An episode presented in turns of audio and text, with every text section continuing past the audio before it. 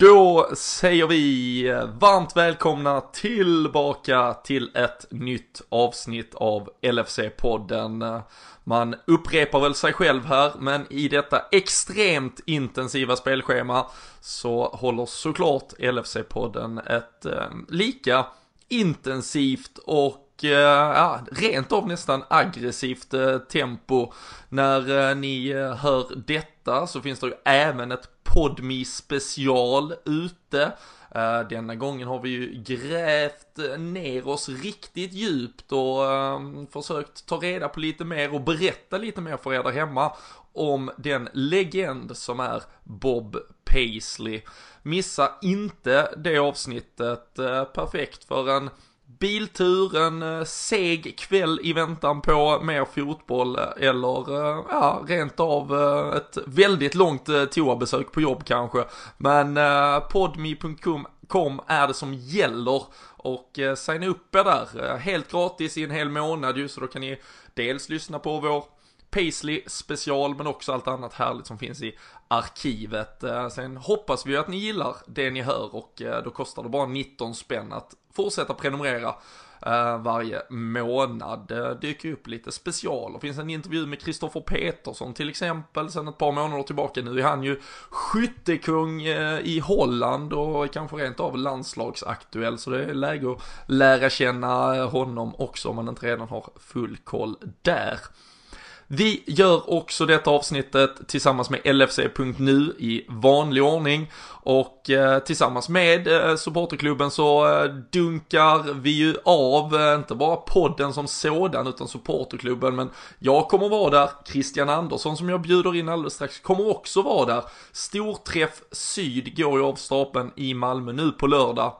Och vi har ju lyckats Ja, vi har fått trolla, vi har fått rent av nästan muta O'Larrys för att få fram ett par extra platser. Nu kan det vara så illa så att när detta släpps så har fan de också gått, för det går som smör. Men annars, är ni sugna, är ni i Malmö och vill uppleva världens jäkla hålligång, träffa Bruce Grobbler och ha det riktigt roligt. Så in på lfc.nu och läs om hur ni kanske kan lägga beslag på några av de där sista platserna. Vi gör också avsnittet såklart tillsammans med Redspet.com, spelbolaget som eh, vi tycker är lite annorlunda, lite bättre för oss med Liverpool-hjärta. Vi får chansen att genom vårt eh, spel hitta dels lite roliga extraspel på just Liverpool, men också skulle det råka gå åt pipan så går det i alla fall en liten slant tillbaka till samhället i Liverpool istället. Så är ni inte medlemmar på redspet.com, surfa in där, regga er och välj såklart LFC-podden som er branch just för att visa vem ni sympatiserar med helt enkelt. Nu låter vi gingen klinga och så välkomnar jag alldeles strax in eh, Christian Andersson för eh, veckans avsnitt.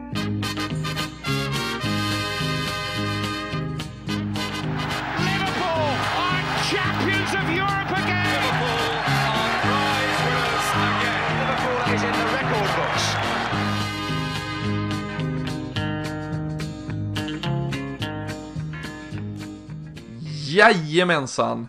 Då har det jinglat här eh, färdigt och eh, äntligen eh, kan jag få komplettera min dynamiska duo och välkomna Christian Andersson in i värmen. Hur är läget idag Christian?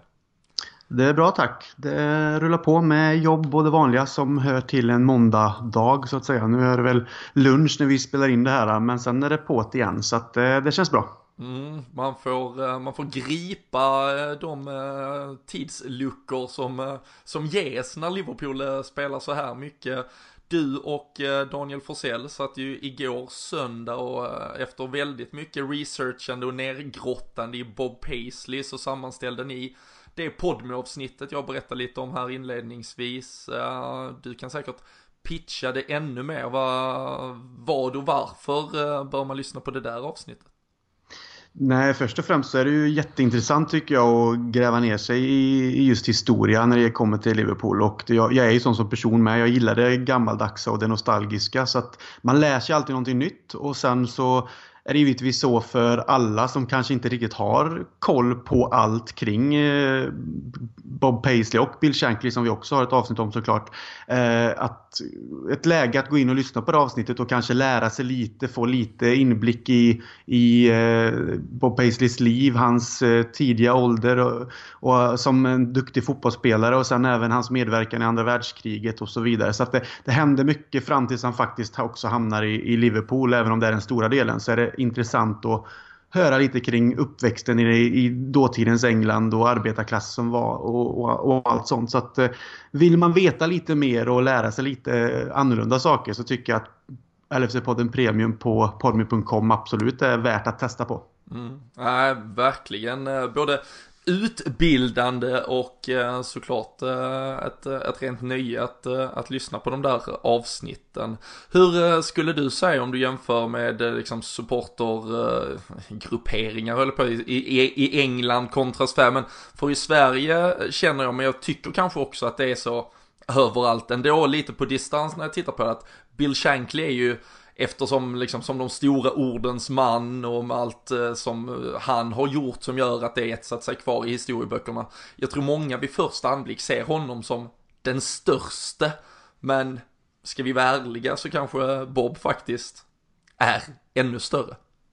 Ja, Bob Paisley är ju större ursäkta, eh, när det kommer till titlar och framgång när det, i Liverpool under en väldigt kort perioden då.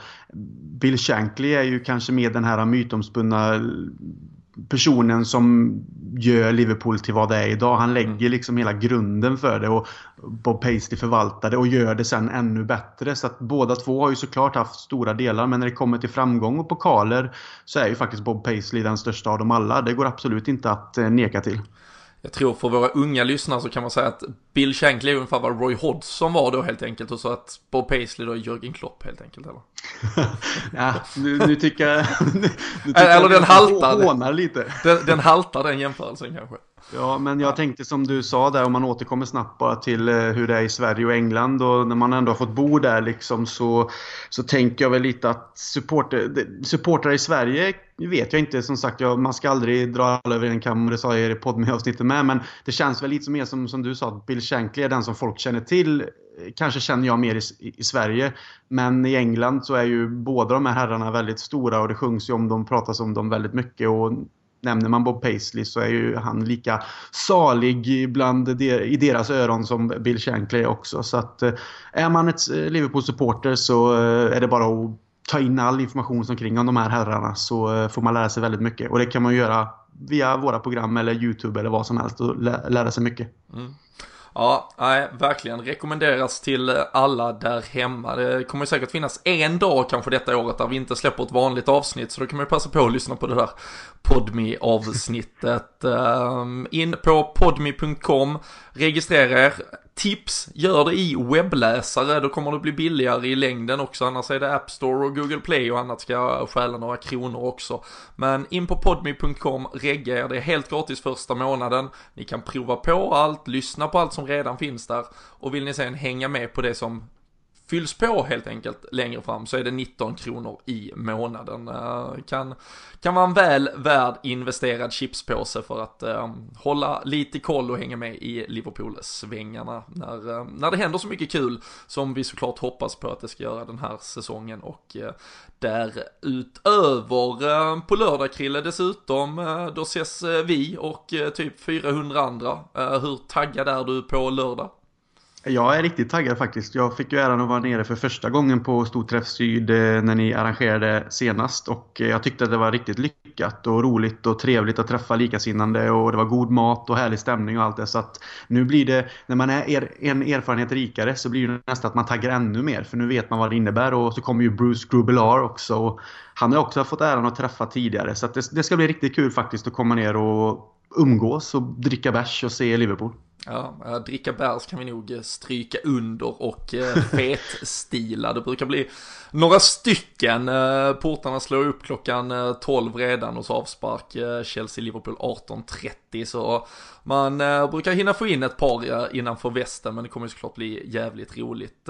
Som jag sa i lilla introt där så, så har vi, vi fick loss nu 15 extra platser som kommer släppas inför de sista timmarna där inför matchen. Vi får inte ta in fler ätande gäster så att säga på Larrys, det är lite säkerhetsregler men man kan surfa in på lfc.nu och läsa mer om hur man kan försöka i alla fall lägga beslag på någon av de där sista vi reserverar oss för att det kan ha hunnit ta slut nu. Men eh, vi, eh, vi alla som ses på lördag kommer att ha en eh, jäkligt rolig dag, kväll där helt enkelt. Vi, vi får väl se om vi hinner nyktra till framåt måndag, tisdag sen nästa vecka och ge en rapport helt enkelt.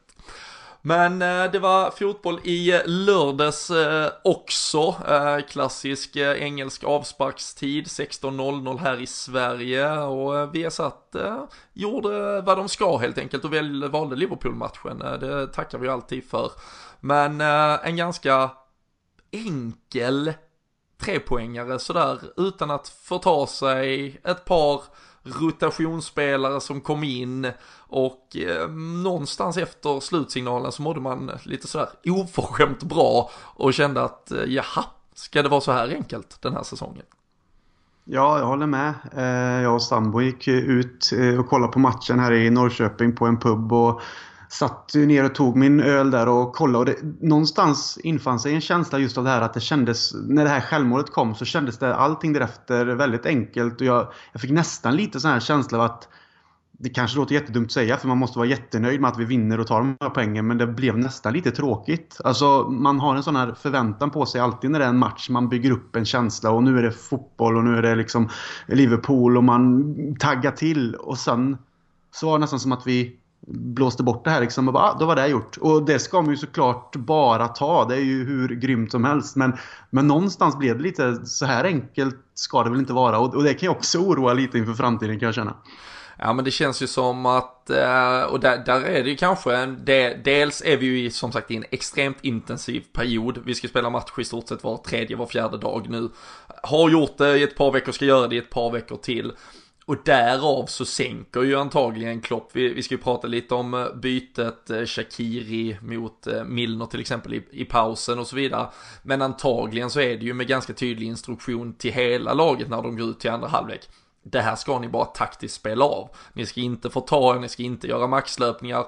Det är helt okej att vi inte gör fler mål. 3-0 räcker, fine. Det finns ju ett Liverpool som tidigare mycket väl hade kunnat gå ut och göra både 4-0, 5-0, 6-0 och 7-0 och liksom spela på alla cylindrar. Men då tar du också plötsligt en risk. Uh, och vi får komma ihåg att det här såklart också är ett Southampton som efter 3-0 i paus går in och liksom omformerar sig och vill någonstans lämna med hedern i behåll. Men som du säger, ja, lite tråkigt om man ska vara kräsen och uh, lite, lite petig. Men det är väl exakt de här matcherna man har pratat om ett, ett United i slutet av 90-talet, början 00-talet, ett City, ett Chelsea har gjort de senaste åren. Som matcher som ska vinnas, som vinns och så var det inget mer med det helt enkelt. Nej, precis så är det. Och jag tycker att det är oerhört skönt, eh, även om man kan tycka att det är tråkigt, men det är ju faktiskt det vi har eftersträvat så länge. Just att känna att matcher hemma på Anfield mot motstånd och all respekt för SA-15 men det ska liksom, ska man vara med och utmana om titeln så ska man egentligen bara köra över dem på det här sättet som vi gör. Det ska vara tämligen enkelt och den viljan och aggressiviteten ska finnas att vinna de här matcherna så att eh, det är ju liksom job done bara när det kommer till det. Och eh, någonstans så är det ju liksom bara att omfamna att vi plockar tre pinnar igen och har full pott och slagit rekord och, och allt vad det innebär. Så att i den här situationen har vi ju inte befunnit, sig, befunnit oss allt för ofta så att därför måste man bara egentligen älska situationen som är och så får vi hoppas att vi bara för med oss det i det matchandet som kommer. Ja. Och eh, trots om vi tittar eh, på de eh, förändringar som gjordes, eh, vi har ju hyllat eh, hela försvarslinjen eh, under eh, säsongsinledningen, en Joe Gomez som har växt ut och ja, varit en bjässe eh, bredvid den eh, såklart redan eh, fullstora bjässen eh, Virgil van Dijk. Men här eh, vilades eh, Gomes, istället kom Joel Matip in eh, en spelare som har, har fått ta en del kritik eh, som liksom tidigt ansågs vara den, eh, liksom den, den bäste eh, försvarsspelaren när Dejan Lovren haltade i sitt spel. Sen liksom blev det lite att gungan, pendeln slog över.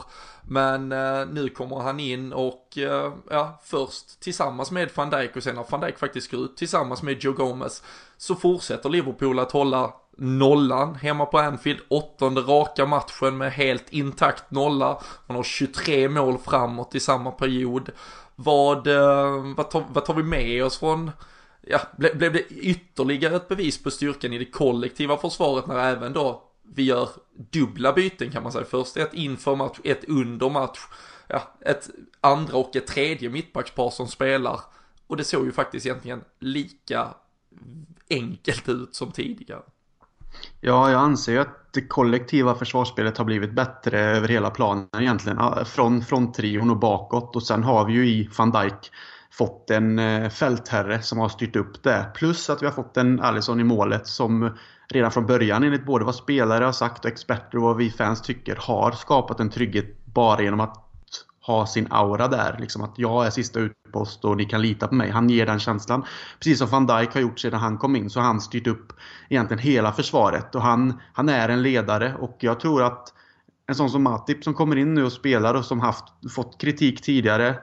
Det räcker att bara vara jämte en sån, jämte en sån spelare som van Dijk och känna den tryggheten så lyfter du dig några nivåer ytterligare. Det, det, är så, det är så viktigt ändå med den här självförtroende och känslan på, på vi eh, att vi kan göra det här tillsammans. Så att då blir man nog säker, precis som vi har sett en Joe Gomez växa. Så att jag tror att, att Matip kommer in och känns väldigt lugn och gör en väldigt, väldigt bra match. Det beror nog väldigt mycket på van Dijk i slutändan. Att han, han gör egentligen det som Hyppie var väldigt duktig på att göra. Och det är bara att sprida en ren och skär trygghet genom hela eh, laget. Så att eh, Plus då det kollektiva, att jag tycker att vi har förbättrat oss. Både, alltså just längst fram. Firmino har alltid varit bra, men det känns som att både Salah och Mané är lite mer Eh, in, vad säger man? De är lite mer inställda på att vara med och försvara också och täcka vissa ytor som de gjort förr. Men det känns som att det är lite mer nu än vad det var tidigare och att man väljer som du sa innan att när man har gjort de här målen så ska man inte förta sig. Vi är nöjda med ledningen, nu spelar vi smart och så sparar vi oss inför det som komma skall.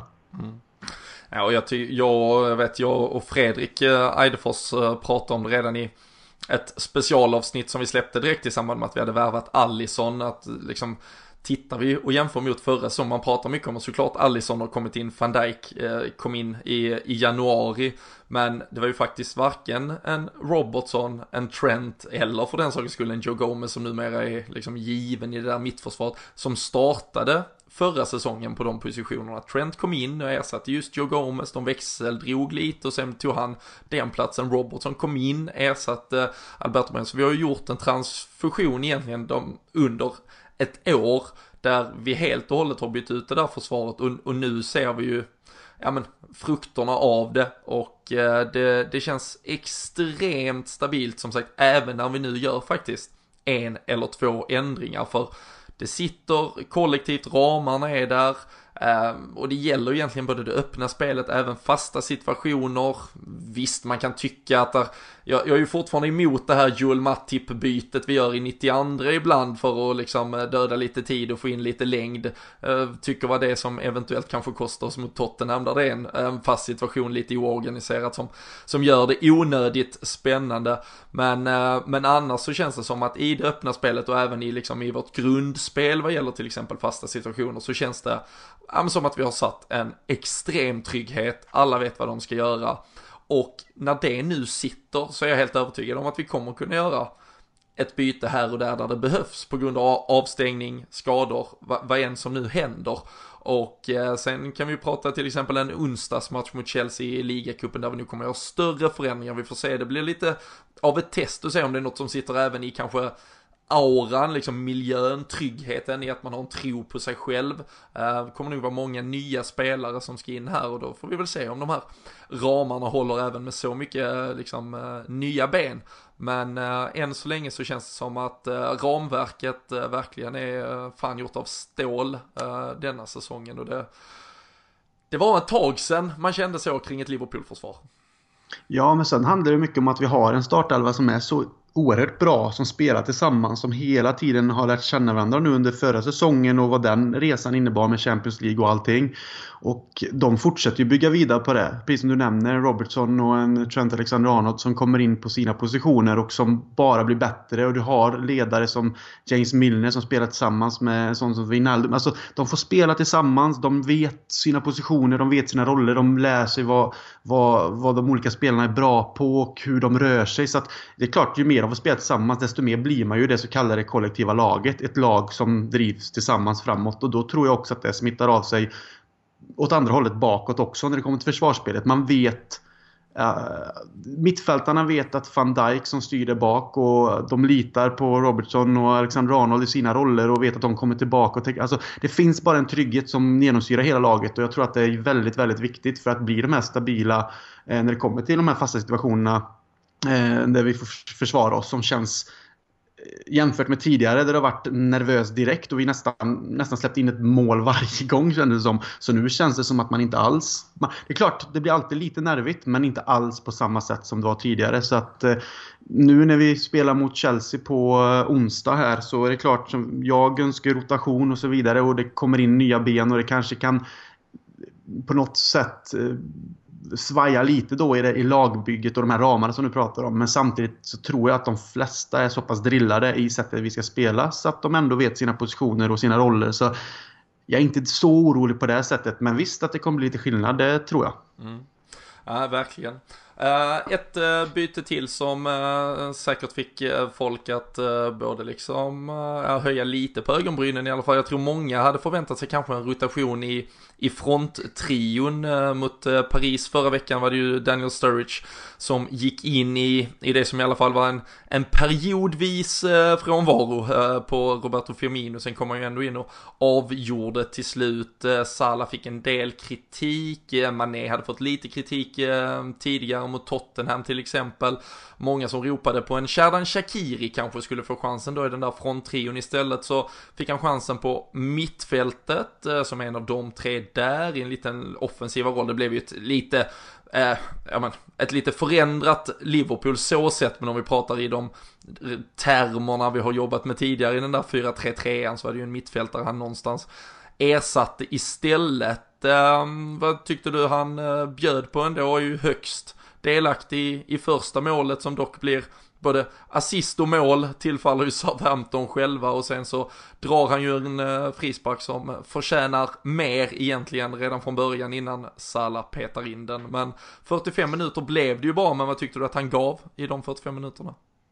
Jag tycker att han såg eh, väldigt sugen ut på att eh, bevisa sig och vad han kan bidra med. Jag har ju sagt det förr och jag säger det igen att jag gillar ju Shakiri och har gillat honom sedan tidigare. Så att jag tycker att eh, han bidrar med lite finess. Han är ett, ett kraftpaket. Han är relativt snabb på små ytor. Han är duktig med boll och sen som du nu nämner frisparken är ett oerhört fint tillslag. Så att jag gillar att han kommer in. Jag hoppas han kommer få mer, alltså få mer chanser och kanske nå nu mot Chelsea såklart i en sån match. Men nej, att vi har en sån bänk nu med en sån spelare där vi kan rotera på det här sättet. Jag tycker inte att det liksom på något sätt blir sämre. Det kanske blir lite annorlunda men han håller en sån kvalitet så att man oroar sig inte som det kanske varit tidigare när man satt in en spelare som vi då har vetat att han håller inte samma kvalitet. Men Shakiri bidrar med väldigt så mycket så att eh, Nej, jag, jag tycker att under de 45 minuter han var på plan så var han riktigt, riktigt bra. Och sen blev man kanske lite förvånad över bytet. Men det har vi ju fått sen förklaring på från Klopp att det var av taktiska skäl. Och han hade förklarat det för Shakiri med som jag förstod det av intervjuer. Så att,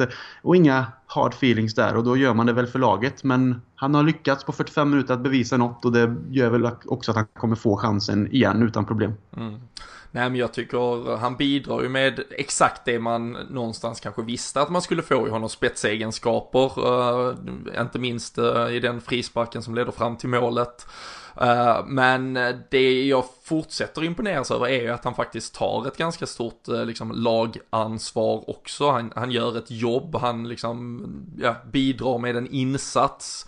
Eh, sen kan jag förstå Klopp någonstans att han vill ombalansera. Jag tyckte det såg redan på pappret extremt offensivt ut och nu hade vi fått ut maximalt av en offensiv i, i liksom förtjänade kanske liksom inte att leda med 3 och det är ju ett jätteslumpmål det första. Sen frisparken är vad den är och, och så en, en enkel retur och Sen är det ju en fast situation för vår del som leder till 2-0 målet, eh, just eh, Matip som kommer upp och vi, vi fick ju liksom full utdelning, 3-0 tycker kanske inte att vi liksom eh, spelmässigt eh, var, var 3-0 bättre än Southampton i första halvlek.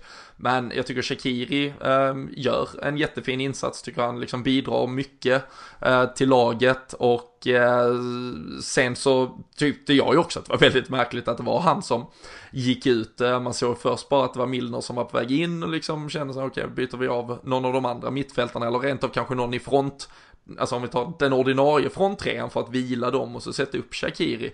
Uh, och det tycker jag väl kanske fortfarande, om det var rent taktiskt, hade jag kanske plockat ut Mané eller Salah för att, för att vila uh, någon av dem istället och satt upp Shakiri. Uh, Erik Niva, vår kära poddgäst för, från ett par veckor tillbaka, eh, satt ju med konspirationsteorier eh, på, på, på fulläkta tottenham manér De har ju själva varit utsatta för lite sånt nu i veckan, så han hade väl kanske det i, i bakhuvudet, men prata om att Shakiri hade kanske visat lite fel attityd vid, vid målen. Det var trots allt inte han som gjorde något av dem, men att han tog äran för dem och så vidare. Men jag tror att det är rent rubbish eh, och att det var så enkelt som att det var taktiskt och jag förväntar att just Shakiri blir en av nyckelspelarna nu på onsdag i ett lag jag tror blir ja, fullt roterat egentligen och då, då någonstans så landar man ju i att det faktiskt gav kanske mening att ta ut honom efter 45 om han nu ska spela 90 och vara liksom någon form av ett, ett offensivt nav nästan eh, mot Chelsea i ligacupen istället.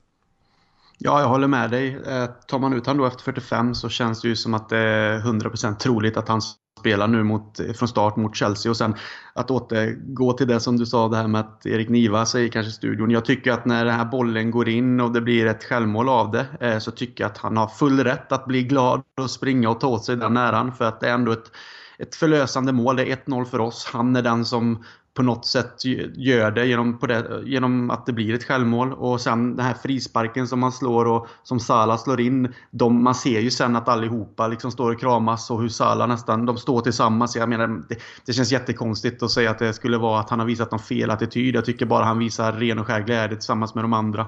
Så där behöver man inte dra några större slutsatser. Utan jag, det är klart att är man med och bidrar så måste man få bli glad.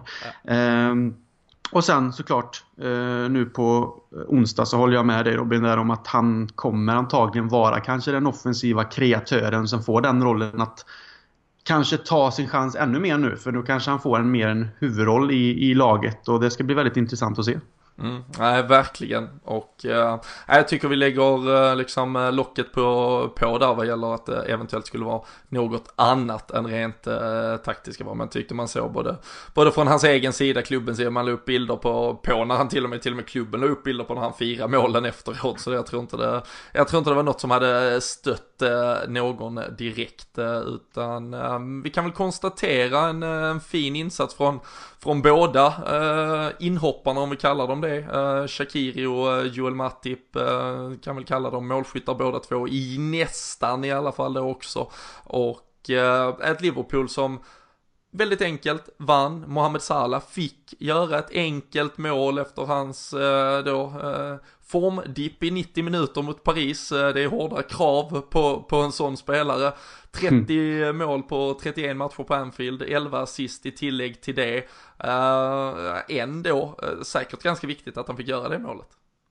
Ja, absolut. Man har ju märkt att han vill. Alltså, han, han lägger press på sig själv efter förra säsongen för han vill fortsätta på den nivån. Och fansen och, och både på plats och vi som kollar på TV, vi liksom vi lägger också en press på honom just för att han eh, levererade som han gjorde. Sen får man ju backa lite och inte ha de höga förväntningarna. Men det läggs ju ändå en väldigt hög nivå på det. Och då blir det kanske att han själv pressar sig så hårt att det inte riktigt... Det blir mer ett, eh, att det liksom sätts en liten, eh, vad säger man, pinne i kugghjulet istället för att det rullar på som det gjorde innan. Men jag, tycker, jag hör ju till den skaran som tycker att istället för att bänka honom mot till exempel då mot 15 bara för det han Eh, levererade mot Paris som inte var riktigt, riktigt bra så tycker jag att det är bättre att bara fortsätta spela han. För han är en sån spelare som drar till sig mycket försvar. Och han eh, kan avgöra när han väl kommer till lägen. Precis som nu då. Han är så pass snabb att han är framme på den här returen först. Och att få göra det målet. Och han fick ju även ett till mål som blev, sen då blev avblåst istället. Men han är där och jag tycker bara att det är lika bra att bara fortsätta med honom. För han är en världsspelare. Det finns ingen anledning att ta ut honom. Om det inte är att han är småskadad eller så. Utan hoppas nu med det här målet och den glädjen han visar av det också så är det liksom en spelare som kommer fortsätta att hjälpa oss oerhört mycket på vägen fram. Mm. Nej, verkligen. Och eh, han får gärna fylla på med eh, fler mål. Nu väntar ju dubbla möten mot hans, eh, hans gamla arbetsgivare. Det blev väl, om jag minns det sådär på uppstuds, eh, 13 matcher tror jag han, eh, han spelade i det där Chelsea som så himla viktigt att de skulle stjäla honom framför näsan på oss eh, under januarifönstret här 2013-2014.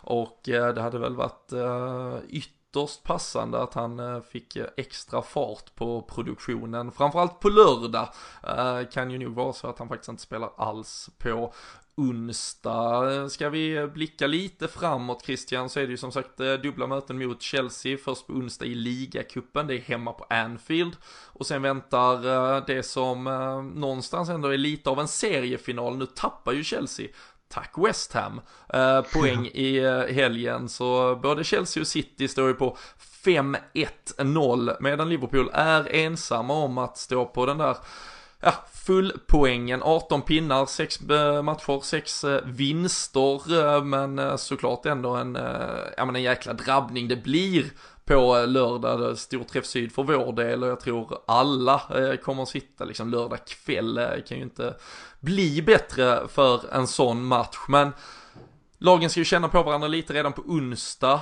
Ehm, snacket för många, det är ju egentligen rent och skärt tyckande, är ju någonstans ändå att ett Liverpool bör rotera ut, ja kanske rent av alla spelare. Ehm, men sen är det ju såklart är Keita en ordinarie spelare eller är han en rotationsspelare just nu? Det, det lämnar ju egentligen fritt att uh, tycka och tänka till, till alla där hemma. Men om uh, du hade fått ut ett, uh, ett lag på onsdag med, med någonstans kanske ändå fokus på att vi ska ha bästa laget tillgängligt på lördag för att behålla det här fokuset på ligan.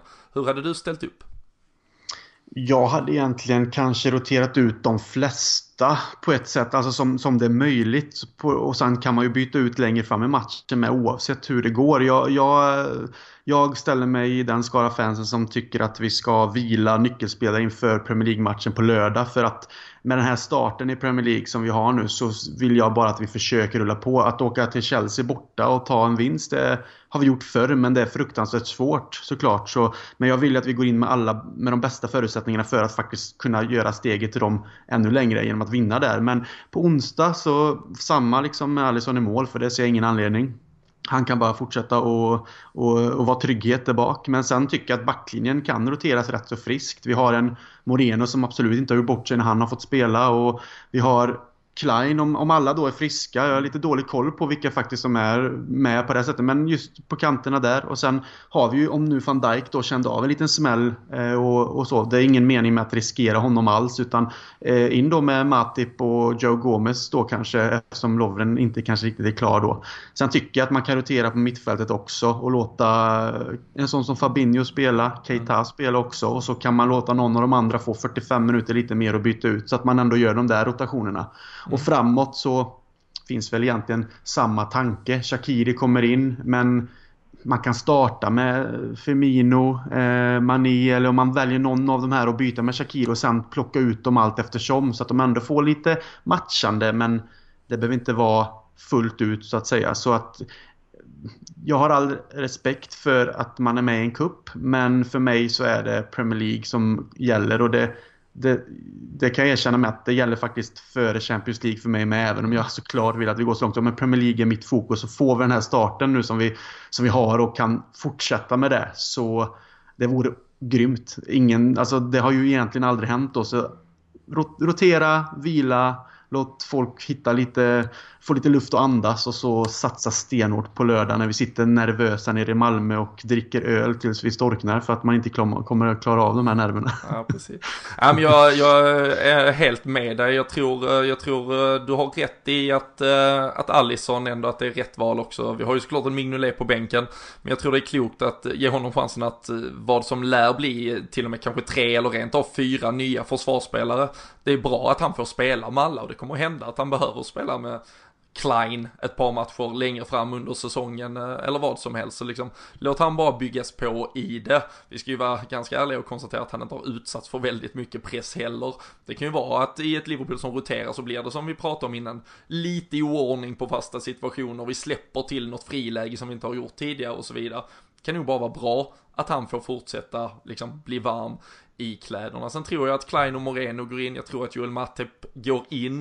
Eh, sen tror jag, beroende lite på vad man känner och hur risken är med van Dijk, jag tror absolut inte han spelar, men beroende på hur försiktiga man då vågar eller vill vara med en Joe Gomez. Eh, och så lite status på Dejan Lovren. Sen finns det ju en Nat Phillips till exempel som spelade sista träningsmatchen här. Han var ju med på hela försäsongsturnén. Han spelade mot eh, Napoli, eh, var, nej Torino förlåt, hemmamatchen där eh, bara en vecka eller ett par dagar innan premiären.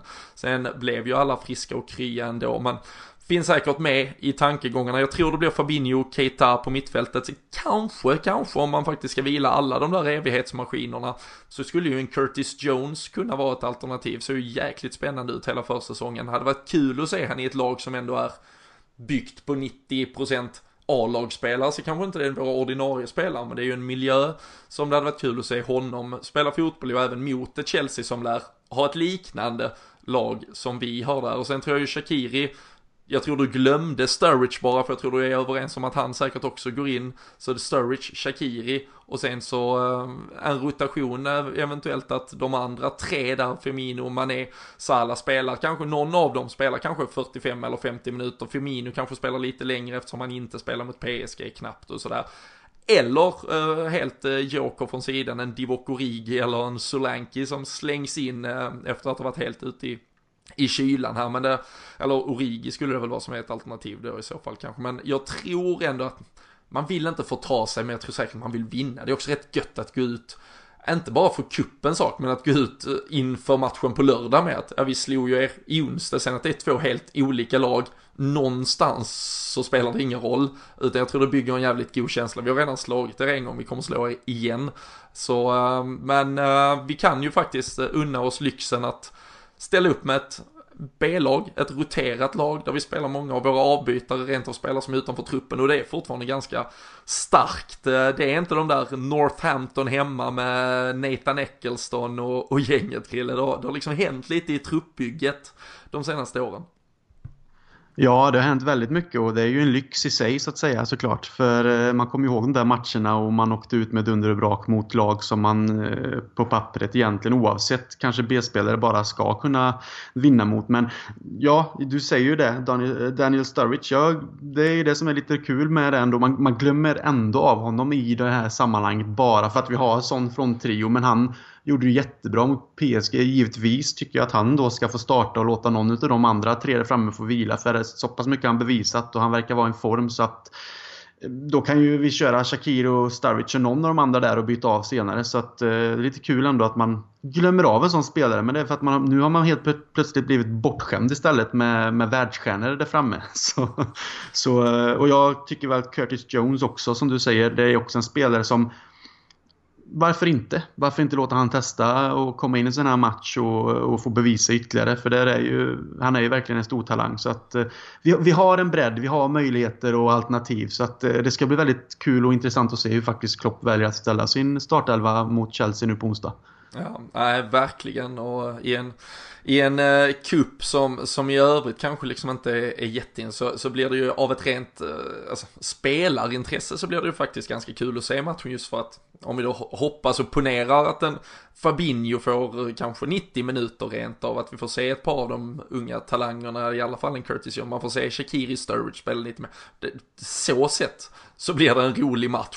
Eh, jag håller med dig annars att just nu är man, man är så liksom Premier League-fokuserad så, så någonstans tycker jag ändå att den bara stör rytmen och, eh, och liksom hade gärna sluppit den. Men äh, ser ju, äh, ser andra fördelar, vi har lite andra ljuspunkter äh, i den där matchen. För någonstans är det ju bara en transportsträcka inför lördagen och jag tycker väl att man kan konstatera att vi ändå har börjat sätta en startelva nu. Alla vet ju vilken som är den ordinarie backlinjen, målvakten, det, det offensiva, men det verkar ju också vara det här extremt hårt jobbande, milslöpande mittfältet med Jordan Henderson, James Milner och Gini Wijnaldum som faktiskt är vårt ordinarie mittfält trots att vi har värvat mittfältare i Fabinho och Keita för uppåt en miljard kronor.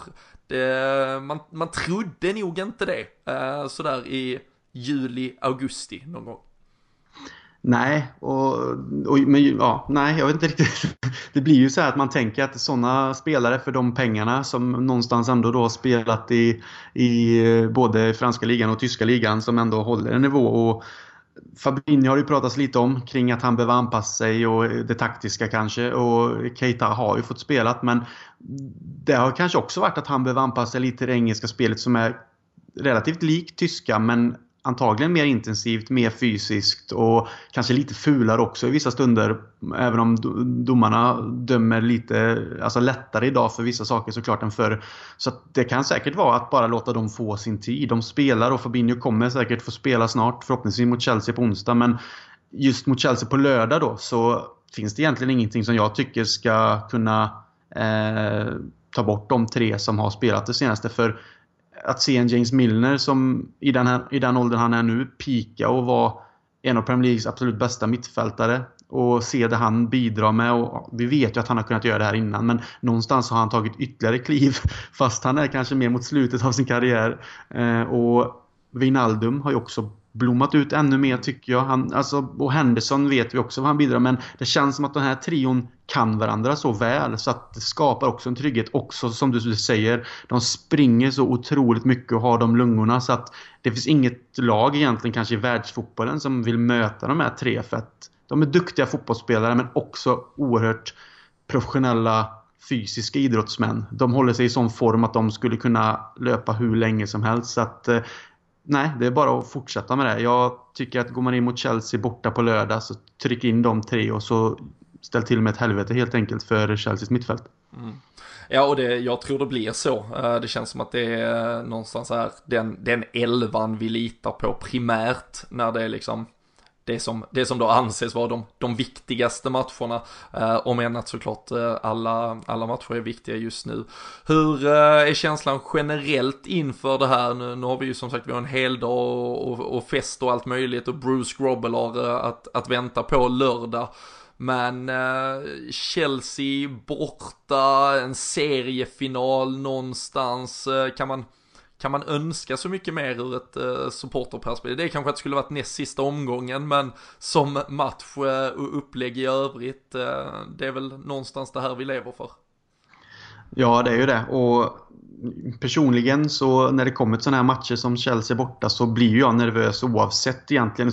Särskilt blir man ju mer nervös nu när man ligger i toppen och är det enda laget som har gått fullt ut. Att man, man vet hur jäkla mycket det kan betyda i det långa loppet att ta en poäng eller faktiskt vinna och, och absolut inte förlora. För det är så pass tidigt i säsongen fortfarande. Men kan vi liksom göra det som ett statement och visa att vi klarar av även det nu när vi har börjat visa att vi kan vinna mot då kanske de så kallade mindre lagen. Det, vi vet ju senast när vi var i det racet hela vägen fram hur viktigt det är att faktiskt kunna slå alla. Och någonstans blir jag nervös redan nu för så här bra har vi ju aldrig tidigare startat en Premier League-säsong. Mm. Och vetskapen då vad det betyder redan i en match borta mot Chelsea gör ju att jag blir riktigt nervig. Så att jag, jag är väl glad att det är en stor träff med lite öl innanför västen som du sa och att det blir lite tidsfördriv med Bruce Crubelar och snack med andra likasinnande. För det tar någonstans fokuset från att känna den här nervositeten. För bara att vi pratar om det nu får mig att må, må lite, lite smått illa faktiskt. För att jag, jag vet hur besvikelsen blir när man när man startar på det här sättet så blir besvikelsen till och med alltså, väldigt, väldigt stor om det inte går vägen just för att man har sådana förhoppningar helt enkelt. Mm. Ja, vi, vi ser till att du eh, somnar i någon bowlingränna en kvart före avspark eller någonting Krille så, så, så är det lugnt. Får, får, du, får du ett sms med resultatet sen. Ja. Men uh, hur hade du, eh, om du hade fått 1-1 uh, i handen här uh, inför lördag, hade du tagit det och sprungit eller hade du velat att vi skulle spela fotboll om det? Nej, jag har faktiskt tagit det och sprungit. För ett kryss borta mot Chelsea i det läget vi ändå är. Eh, jag anser att ett kryss är riktigt, riktigt starkt. Eh, Chelsea har ju fått lite ny luft under vingarna under Sarri och har tagit liksom, nu, nu spelar de ett lika mot West Ham som vi tackar för. Men jag tycker ändå att så som som, som, spelare som Hazard har spelat och hela kollektivet Chelsea med har känts ändå som att de, de går lite från klarhet till klarhet från eh, den turbulenta tiden med Conte. När det inte riktigt ville sig eh, sista säsongen här. Och kan man då ta ett kryss mot Chelsea borta i Premier League så eh, måste man bara tacka och ta emot. Jag tycker inte att man ska någonstans sväva iväg och säga att vi ska åka till Stamford Bridge och slå dem även om vi kanske är en av titelfavoriterna eh, och den största konkurrenten till City att ta titeln i år så måste man någonstans ha båda fötterna på jorden och känna att de här poängen som man kan ta borta mot storklubbarna, är det kryss så är det superbra och så får man slå de andra så kallade mindre lagen på vägen och ta de tre poängarna. Mm. Ja, jag, jag, jag köper ju såklart argumentet men samtidigt, alltså en seger så har vi 21 poäng, Chelsea har 16. Vi liksom, då har vi skapat oss den där luckan till dem också. Jag kommer absolut, sitter vi där 20.30 uh, eh, i Malmö tillsammans på lördag och det har blivit 1-1. Uh, eh, kommer jag såvida det inte är liksom ett rent uh, rån av, uh, av andra anledningar så kommer jag absolut vara liksom någonstans nöjd, kunna andas ut och konstatera att det där är helt okej okay, och vi har ju faktiskt mött Tottenham, alltså, och det, det blir vårt första poängtapp någonstans med den, de sju matcherna vi i så fall har spelat, att man har Två poäng från full pott är väl absolut godkänt, men jag hade fan inte kunnat ta det på förhand. Vi har slått Tottenham borta, vi slog PSG hemma, vi, vi spelar en fotboll som ingen riktigt eh, har lärt sig hur de ska hantera. Eh, Chelsea har ju liksom tagit poängen, men de har egentligen inte varit fullständiga på något sätt i sitt spel. Hazard har varit individuellt briljant, eh, blir jättekul och utmanande för en en Alexander Arnold att ställas mot ännu en sån här spelare efter hur han plockar ner världsstjärna efter världsstjärna i PSG till exempel. Men äh, jag, jag, jag hade velat spela om det. Äh, jag kommer sitta och svära och banka huvudet i väggen om äh, vi förlorar detta såklart. Men jag, jag, jag be behöver den spänningen i livet här även om man redan känner att hjärtat är någonstans halvt i halsgropen. Men vi låter oss spela om det och låt oss gå för det. Det, det sänder, eh, och om det behövs så sänder väl det där i så fall den sista signalen till allt och alla att Liverpool menar fullständigt allvar den här säsongen. Så det, nej, det, känns, det känns jävligt spännande eh, och eh, jag vet när vi satt eh, direkt när spelschemat släpptes i, i juni och började planera för en storträff pratade vi om att ja, Chelsea, de känns så jävla eh, tradiga denna säsongen liksom. Det var mycket turbulens i, i klubben och det blir en, men hela matchen blir ju, kommer verkligen bli fantastisk och det ska man ju uppskatta någonstans som den som, som objektiv fotbollsälskare, sen, eh, sen är det såklart det ger en jävla krydda som supporter att uh, se sitt lag i, i den här typen av match. Och, uh, nu är det trots allt bara i den sjunde omgången, men, uh, men det känns som att uh, tågen kan gå snabbt och vi, vi behöver såklart vinna alla matcher. Jag tycker West Ham eller Chelsea visar ju mot West Ham att där, där tappar de poäng. City gjorde det mot ett Wolverhampton för ett par veckor sedan. Det, det understryker den där styrkan vi har visat på genom att faktiskt vinna alla matcher, vad man ändå tycker om insatser hit eller dit, men att just lyckas vinna så mycket, det är jättesvårt.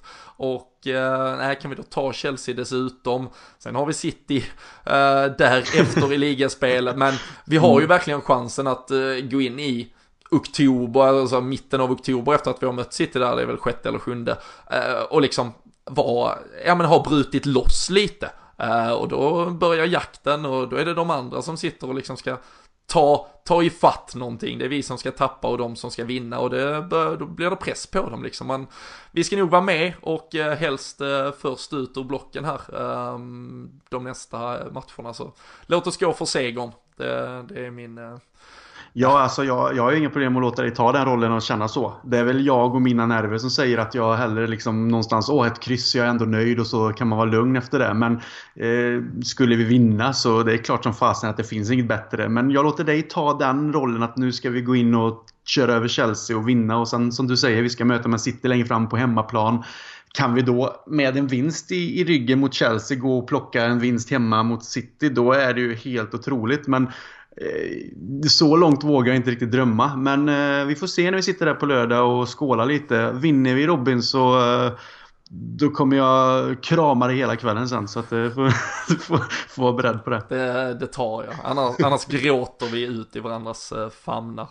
Ja. Men eh, nej, det blir såklart en, en jäkla match på lördag och så som sagt lite, lite uppvärmning någonstans, lite Chelsea, lite Liverpool redan på onsdag helt enkelt. Eh, orkar du eh, med och vågar du dig på ett eh, tipp inför eh, lördagens match? Eh, vi ska säga det, vi pausar faktiskt tipstävlingen på onsdag. Vi, vi fokuserar på Premier League och Champions League-matcherna så är den alltid igång. Men vi vilar lite på onsdag och så siktar vi redan nu då mot lördagen. Så vad tror du om det där mötet där du hade accepterat ett kryss på förhand? Ja, det, om man ska tippa med hjärtat eller hjärnan här, men eh, Eftersom att jag ändå satt och sa att jag skulle ta ett kryss så kanske jag ändå ska gå emot det lite. Så jag säger, säger då 2-1 till Liverpool för att gå in lite på din bana där och vara lite mer optimistisk och känna att vi kommer dit och gör mål och att vi lyckas vinna. Mm, ja, snyggt. Eh, jag och Daniel Forsell satt ju här inför Southampton-matchen och sa 3-0 eh, i kör i stort sett. Vi båda eh, trodde och tänkte det. Den satt ju som en smäck och jag satt faktiskt här och tänkte 2-1 Liverpool blir det nog fan jag ska tippa. Uh, innan du uh, tryckte på den knappen. Så uh, 2-1 Liverpool uh, låter taget. Och det är väl bara för alla där, där hemma att ta rygg. Det var ju 23 stycken som hade ryggat 3-0 senast. Sen när det stod redan efter en halvlek eh, kanske vi trodde att eh, det skulle gå åt pipan. Men eh, då smsade vi Klopp och bad honom taktiskt omdisponera laget för att, för att hålla det där. Så kunde vi gratulera Johannes Hauge till slut som tog hem det tippet. Så stort grattis till honom. Och ni hör, både jag och Christian tror och hoppas framförallt på seger där på lördag 2-1. Även om Christian kanske hade accepterat 1-1 på förhand. Vi får se. Ja. Nej, fantastiskt. Lite rotation, ett eh, annat lag på onsdag säkerligen. Vi har två matcher att vänta. Vi är tillbaka eh, efter att båda de har spelats. Eh, samlar intrycken från, från det. Vi hoppas ju att vi fortsatt är i en överlägsen tabelledning i så fall därefter den matchen. Och så tipsar vi såklart om vårt avsnitt som Christian tillsammans tillsammans med Daniel Forsell gjorde, som ligger på podmi.com om Bob Paisley den eh, kanske största av dem alla faktiskt. Eh, så eh, har man Liverpool som favoritlag bör man ha lite kännedom om vad det där var för en filur. Så in på podmi.com, signa upp er en hel månad gratis för att grotta ner sig i arkiven och sen kan man alltså haka på där för bara 19 kronor i månaden om man tycker att det där är roligt och bra och så stöttar man såklart podden med att bli ännu bättre och Eh, fortsätta hålla det här tempot som, eh, som krävs eh, just nu. Men tack för att ni har lyssnat, ha en riktigt skön vecka och så hörs vi snart igen.